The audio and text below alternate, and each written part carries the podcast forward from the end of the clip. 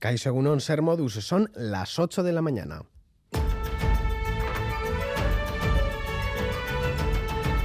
Crónica de Euskadi con Lier Puente.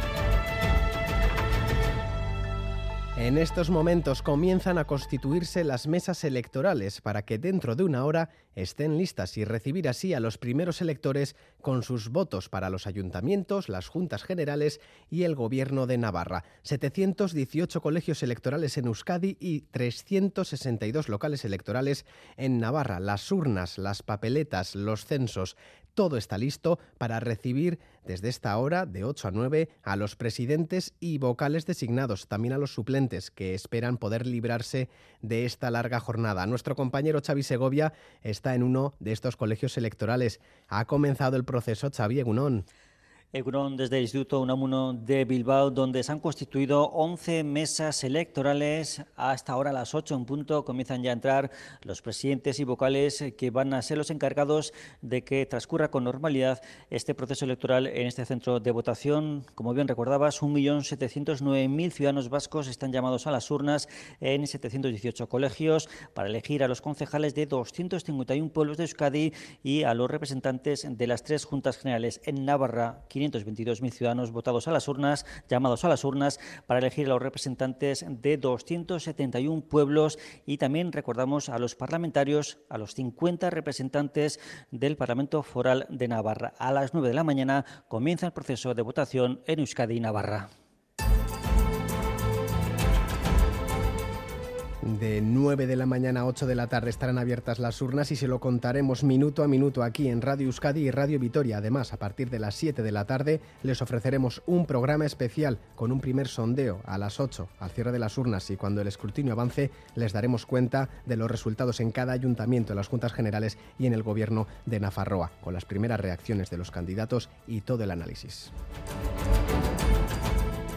Uno de los factores que puede desmovilizar a los votantes es el mal tiempo, aunque parece que seguirá siendo primaveral. Conozcamos la previsión meteorológica de Euskalmet con Nayara Barre de Gunón. Egunon, buenos días. Hoy durante la mañana volverá a predominar el ambiente soleado y en el interior las temperaturas volverán a superar los 25 grados. En la costa, sin embargo, hoy el calor no será tan acusado y es que el viento de componente norte predominará a partir de la mañana y nos dejará unas temperaturas por debajo de los 25 grados. Puede que por la tarde, empujada por ese viento del norte, entre algo de bruma o nubosidad de tipo bajo desde el mar. Por otro lado, por la tarde también entrará la nubosidad desde el sur y podrá dar lugar a algunos chubascos de carácter tormentoso, especialmente en áreas de montaña y también en puntos del sur de Álava y Navarra. Por lo tanto, ambiente claro durante buena parte de la jornada y menos calor hoy en el norte. Por la tarde esperamos algo más de nubosidad, con posibilidad de algún chubasco, sobre todo en el sur.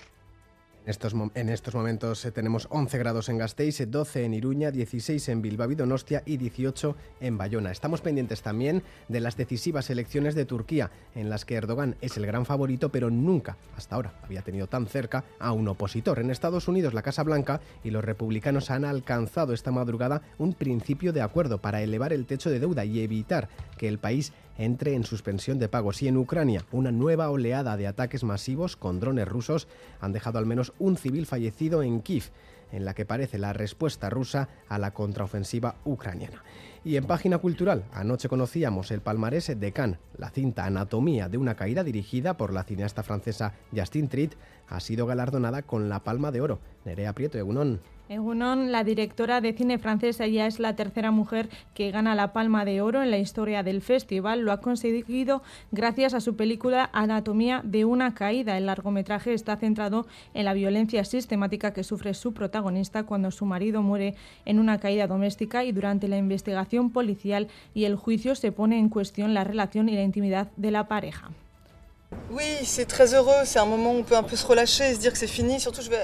Triet se mostraba muy feliz tras recibir el premio.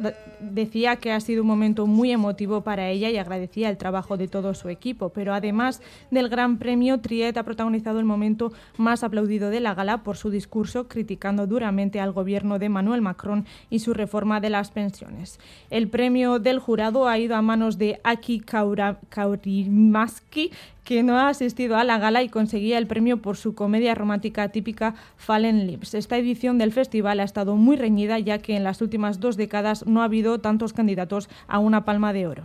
Es que ricas con Erea y de los titulares deportivos se encarga John Zubieta, Egunon. Hola Egunon, empezamos por el ascenso de la Morevieta tras empatar a cero ante el Bilbao Atlético en Lezama un año después. El equipo vizcaíno regresa a la división de plata y quien no pudo hacer o no pudo hacer realidad su sueño fuera la vez que no pasó del empate a cero en Las Palmas.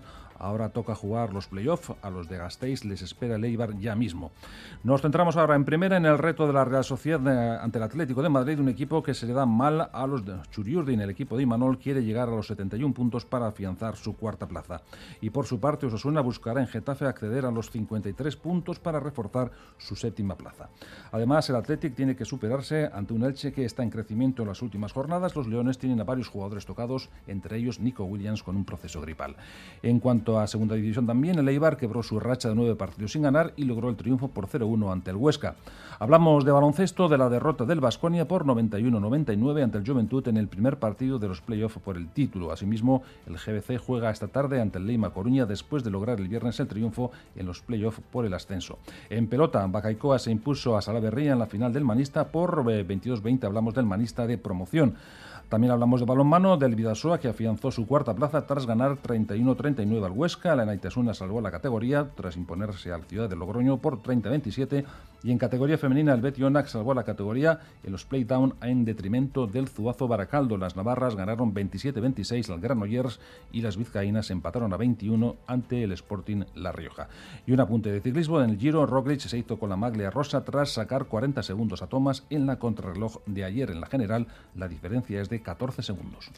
En las carreteras sin incidencias reseñables en estos momentos, según el Departamento de Seguridad, pero les tenemos que dar cuenta del fallecimiento de un motorista este sábado en, una, en un accidente en Leaburu. En el siniestro se vieron implicados su motocicleta y un turismo. La Guipúzcoa 2135 permaneció cortada entre las 5 y media de la tarde y las 8 y media de la noche. Reciban un saludo de los compañeros y compañeras de redacción que hacen posible este informativo, también de Maitán Bujedo, Joseba Urruela y Arancha Prado desde la parte técnica. Son las 8 y 7 de la mañana. Comenzamos. Bye.